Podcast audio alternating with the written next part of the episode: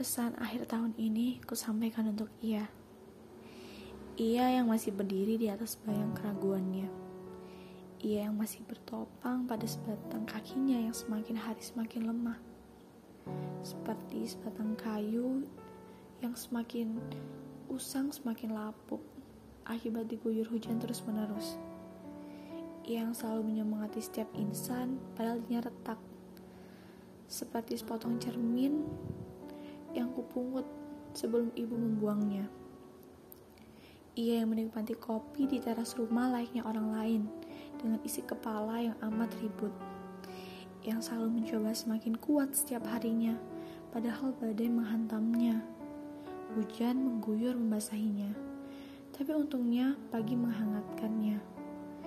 Ia yang tetap menjadi diri sendiri, meskipun musim berganti kirimkan pesan akhir tahun ini. Untuknya bukan lewat semiliar angin. Bukan pula lewat kantor pos. Bukan pula lewat burung merpati.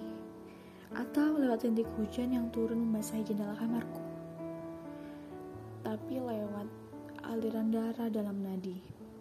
Sebab ia amat lekat dengan diri.